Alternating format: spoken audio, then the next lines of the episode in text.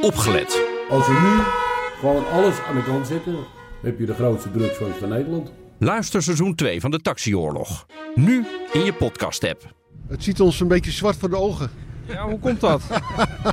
Maar dat komt door de zwartgelakte documenten die we allemaal te zien kregen. Vijf over half zes, dat betekent dat het tijd is voor...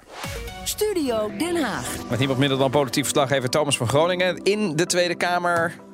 Ben je daar, Thomas? Hallo? Ik ben er, ik ben er, ja. ja. Jullie zien mij geloof ik niet. Nee, het- ik zie een zwart scherm, hoofd, dus ik schrik mij kapot. Maar eh, Ja, dat is een technische storing. Dit is Oh. overigens, eh, ik wil er toch, ik wil er niet een heel ding van maken, maar dit is eh, de laatste keer voor mij bij jullie. nee, maar ik, ik zei het al tegen Roos, maar dit, is het echt zo? Nou ja, kijk, volgende week ben ik dan eh, voor de ochtendshow van BNR. Ja. En de week daarna begint het reces van de Tweede Kamer.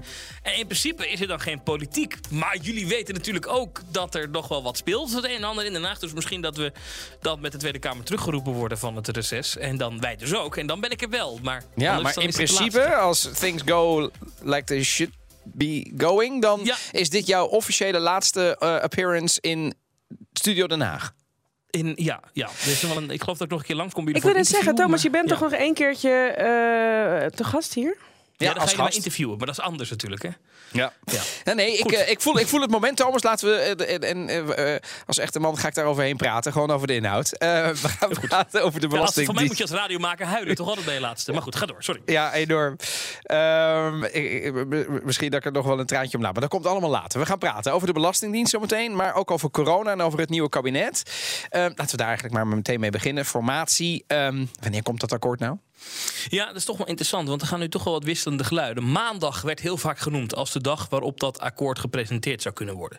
Dan zou je ervan uit moeten gaan dat als dat zo is, dan zouden ze eigenlijk vandaag dat akkoord wel af moeten hebben. Dan kan het dit weekend naar de fracties eh, van die vier partijen: VVD, D66, CDA en ChristenUnie. Die moeten dat allemaal lezen. Ja, dat is altijd een hele interessante sessie. Ik heb onlangs wat reconstructies van vier jaar terug zitten lezen. Dan gaan al die Kamerleden dat lezen. Dan mogen ze er nog op schieten. In sommige gevallen komt er dan ook echt nog wat naar voren wat aangepast moet worden. Dat gaat dan terug naar de formatietafel. En dan uiteindelijk presenteer je dat akkoord.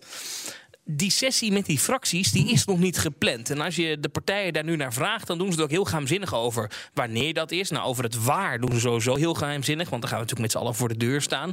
Overigens is in het verleden gebleken dat het moment dat die fracties eh, die sessie hebben, dat in de uren daarna meestal er het een en ander uitlekt. Want ja, dan hebben de helft van de Tweede Kamer, minimaal 75 Kamerleden, hebben dan de inhoud van het regeerakkoord gezien. Dus dan, Ja. ja, dan wil er nog wel geen houwer meer aan, zeg maar.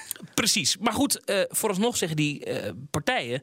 dat is nog niet gepland. En RTL Nieuws meldt zojuist dat dat waarschijnlijk pas maandag wordt dat die fracties eh, zich over die tekst kunnen buigen.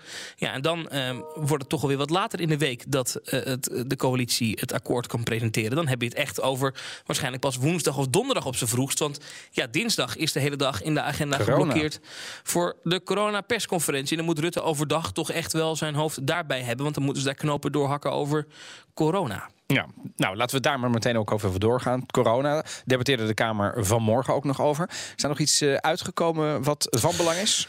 Ja, dat debat vanmorgen dat ging dan over de wereldwijde aanpak van corona. Daar zat wel één heel pijnlijk detail in. Nederland heeft 22 miljoen van die vaccins eh, eh, beloofd aan arme landen, aan COVAX. Hè, dat is dat systeem Ja. om, om eh, vanuit de westerse wereld om te doneren aan de derde wereld, die, de derde wereld die vaccins. Ehm, ja, daar zijn pas een paar honderdduizend prikken daadwerkelijk van verspreid, van die 22 miljoen. Kortom, dat wil maar niet echt op gang komen. En het kabinet beloofde vanmorgen wel de Tweede Kamer, ja, dat gaan we eens even goed uitzoeken. Hoe kan dat nou? Ja, en verder dook dan meteen de discussie op vanuit de Kamer van ja, weet je, wij moeten die vaccins dan kopen bij bedrijven als Pfizer eh, en Moderna. Dat kost heel veel geld. Dat heeft Nederland sowieso al honderden miljoenen gekost, wellicht zelfs miljarden op de lange termijn. Ja, als we het dan hebben over vaccins voor de derde wereld, is het dan niet zinvoller om die patenten Ja. vrij te geven, zodat het goedkoper gemaakt kan worden? Nou, het kabinet liet vanmorgen toch wel weer vrij duidelijk merken dat ze daar niet op zitten te wachten. Dat is niet de oplossing, zei de minister voor Ontwikkelingssamenwerking Tom de Bruin. Oké. Eh, hij zei eh, nee, want wij kunnen het A zelf niet goedkoper gaan produceren. En eh, zij zien toch echt de oplossing in het kopen en verspreiden en niet in, ehm, in het losmaken van het patent. Wat meteen kritiek eh, krijgt natuurlijk vanuit linkse partijen. Die Ja. zeggen ja, is het patentrecht, dan weegt dat dan zwaarder dan de volksgezondheid. Ja. Ehm, dan even over de mm, maatregelen in ons eigen land. Hè. We zitten natuurlijk tot en met 18 december aan deze maatregelen vast. Maar gisteren liet je al een beetje doorsluimeren, Thomas. Waarschijnlijk wordt dat verlengd, die periode. Over de feestdagen heen tot en met januari. Ehm, is er nog iets anders ehm, gehoord in het Haagse? Nee, wat dit betreft niet. Kijk, het OMT gaat het morgen. Het lijkt erop dat die dus met het advies komen. Ja, kom nog een keer met die scholen. Ga er nog een keer over praten. Nou ja, uh, Slop was daar gisteren al duidelijk over. Is daar vandaag weer duidelijk over. Het kabinet wil die scholen niet eerder sluiten. Die kerstvakantie niet de week naar voren halen. Dus dat lijkt niet te gaan gebeuren. Op ander vlak is er wel discussie geweest in de Tweede Kamer vandaag. Of in ieder geval geen discussie geweest. Maar is er een motie aangenomen. Er is gestemd. En die motie zegt: ja, kinderen tot 12 jaar. Daarvan zegt het kabinet nu: ja, we gaan alleen de kwetsbaren. Dus bijvoorbeeld kinderen met syndroom van Down. gaan we een kindervaccin geven. Die komen vanaf januari. Uh, fabrikant Pfizer levert die. Uh, de Tweede Kamer zegt nu: ja, laat ouders van kinderen tot 12 jaar nou kiezen of die kinderen dat vaccin kunnen krijgen of niet. Dus dan zou iedereen, uh, dus alle kinderen, een prik kunnen krijgen. Het kabinet is daar heel terughoudend in en wacht nog op advies van de Gezondheidsraad. doet wel een beetje denken aan de boosterprik. Daarbij zei het kabinet ook vaak: wachten even op de Gezondheidsraad, wat die ervan vinden. Terwijl in andere landen om ons heen al zag dat er volop geprikt werd. Wat zie je bij die jonge kinderen tot 12 jaar. In de landen om ons heen wordt er al volop geprikt bij kinderen tot 12 jaar. Nederland doet dat dus nog niet. En enig idee van waar de terughoudendheid? Kan het bijvoorbeeld ook iets te maken hebben met de beschikbaarheid van vaccins of zo? Of nee, personeel want om te zetten? Nederland heeft er flink wat, uh, flink wat besteld. En uiteindelijk dat op, opschalen naar meer prikken, dat lukt ook wel bij de GGD. En dat lukt ook die boosterprikken nu. Het zit hem toch vooral een beetje in hoe ons land toch, als het gaat om volksgezondheid, altijd bestuurd wordt. De Gezondheidsraad is een vrij machtig orgaan. En de minister gaat niet zomaar zonder advies van de Gezondheidsraad zeggen: deze groep moet deze prik krijgen. In andere landen werkt dat toch anders. Kunnen ze dat toch sneller? In Nederland zijn ze toch gebonden aan die Gezondheidsraad. En die doen er gewoon vaak wat lang over voor ze met een advies komen. Maar goed, ze kunnen daar dus wel nu dan die vraag neerleggen. Hè, omdat dat Ja. uit, de, uit de Kamer Dat hebben komt. ze ook en dan, precies, ja. Ja, de- die vraag is er al neergelegd. Het advies zal vrij snel komen. Maar in het verleden, even voor beeld, en nu in coronatijd komt de Gezondheidsraad soms binnen een paar weken, soms zelfs binnen twee weken met een advies. In het verleden kon het wel eens maanden duren voordat de Gezondheidsraad op bepaalde onderwerpen met een advies kwam. Dus in coronatijd werken zij voor hun doen al heel snel. Dan gaan we naar het debat dat nu gaat. Dus dat gaat over de fraudeopsporing bij de Belastingdienst. Dan denk ik direct toeslagenaffaire. Ja, daar heeft het wel zeker mee te maken. Eh, dit gaat eh, over FSV. Dat staat voor de Oh. fraude signaleringsvoorziening. En dat heeft ook zeker ja. met de toeslagenaffaire te maken. Eind november kwam er een rapport naar buiten van eh consultancybureau PwC. Die hebben onderzoek gedaan bij de Belastingdienst. En dit gaat over die enorme zwarte lijsten die ze daar hebben. Ehm, of hadden, moet ik zeggen, want ze zijn ermee gestopt. Maar er stonden meer dan 270.000 mensen op een zwarte lijst bij de Belastingdienst. Waaronder ook een deel dus slachtoffer is geworden van de toeslagenaffaire. En dat onderzoeksrapport dat richtte zich ook even op die mensen. Van ja, wat is daar nou precies misgegaan? Want ja, als je op die lijst stond, dan had dat echt wel gevolgen. Je kon niet meer een betalingsregeling treffen. Je kon ook niet meer eh, in bepaalde schuldsanering terechtkomen. Dat werd dan geweigerd, want je zou fraude hebben gepleegd. Maar het was vaak helemaal niet duidelijk hoe die mensen op die lijst terecht zijn gekomen. Nou ja, je kan je voorstellen, als jij tienduizenden euro's ineens moet terugbetalen aan de Belastingdienst. eh, omdat je later bleek dus onterecht bent aangemerkt als fraudeur. ehm, dan is het best lastig als je niet je kan melden voor een betalingsregeling. Ja. Want dat is dus gebeurd bij die mensen. Die moesten dus in één keer die tienduizenden euro's betalen. En kwamen daardoor in gigantische problemen. En dan konden niet zeggen, nou ja, dan betaal ik een paar honderd euro per maand. En daar gaat dit debat nu over in de Tweede Kamer. En eh, ik wil je dan even één ding laten horen. Pieter Omtzigt, eh, toch wel een beetje zijn dossier, die toeslagenaffaire als Kamerlid. Ehm, luister even, hij eh, haalde keihard uit.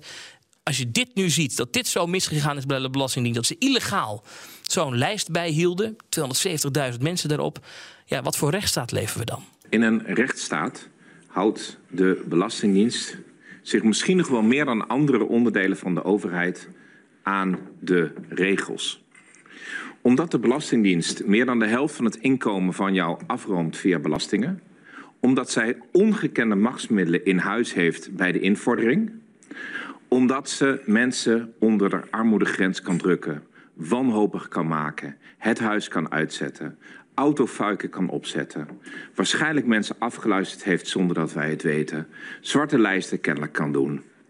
Dit lijkt in de verste verte niet meer op de rechtsstaat die er moet zijn. Ja, dat is toch wel pittige teksten. Even later vroeg hij zich ook af van ja, nu we dus weten dat zij zich niet aan de wet hebben gehouden, hoeveel mensen bij de Belastingdienst zijn hier eigenlijk voor vervolgd ehm, of ontslagen? Eh, ja, en daarop had het kabinet dan ook niet echt een antwoord. En verder was de Kamer toch wel heel kritisch hoor. Hoe kan het nou dat dit soort houtje-touwtje systemen jarenlang toch gebruikt zijn, waar mensen echt zwaar de dupe van zijn geworden? Ja, tot slot, hoe, eh, hoe eindigt dit? Dit debat? Nou, kijk, dit is een langlopende zaak. En wat wel interessant is, dat meerdere Kamerleden ook echt vroegen van... ja, eh, is dit nou het onderste van de beerput of komt er nog meer? Nou, er komt nog zeker meer. En ja, wat hier nog speelt, is dat totaal niet duidelijk is... van die 270.000 mensen, wat de gevolgen daarvan zijn geweest... voor sommige mensen die dus niet in de schuldhulpsanering terecht konden komen. Hoe ga je die mensen nou compenseren? Want die zijn dus mogelijk alles kwijtgeraakt bij een faillissement. Maar ja, was dat nou terecht? Was dat nou onterecht? Het is in sommige gevallen niet meer terug te vinden bij de Belastingdienst. Ehm, en daar hebben ze nog wel een pittige kluif aan. Dus hier gaan we de komende jaren nog wel veel over horen waarschijnlijk. Thomas, dit is dan het eh, einde van, eh, van jou, denk ik, bij In de Middag. Zeg maar serieus als, eh, als aanschuiver, hè? Als Ja. politiek duider. En ja, wat we bij BNR altijd doen als je je laatste hebt gehad, is applaudisseren.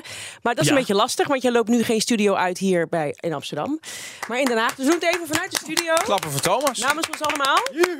Dank u, dank u. Ja. Ik ga dus naar die omroep die jullie net helemaal kapot hebben gemaakt in het vorige item. Ja. Vond je dat zo eh, erg kapot maken? Ja? Nee, Ja. nee, nee, nee. nee. Maar Mark Koster doet goed zijn werk. Dat, is, eh, dat mag gezegd worden. Ja, maar je, en, je bent, Eh, maar en, dank je, in en je- ieder en je geval. bent nog niet weg, want als er iets gebeurt met gezwinde spoed, halen we je gewoon hier in de uitzending. Dan hoor je Dankjewel. mij weer, dan ga ik weer over de tijd heen. Dank je.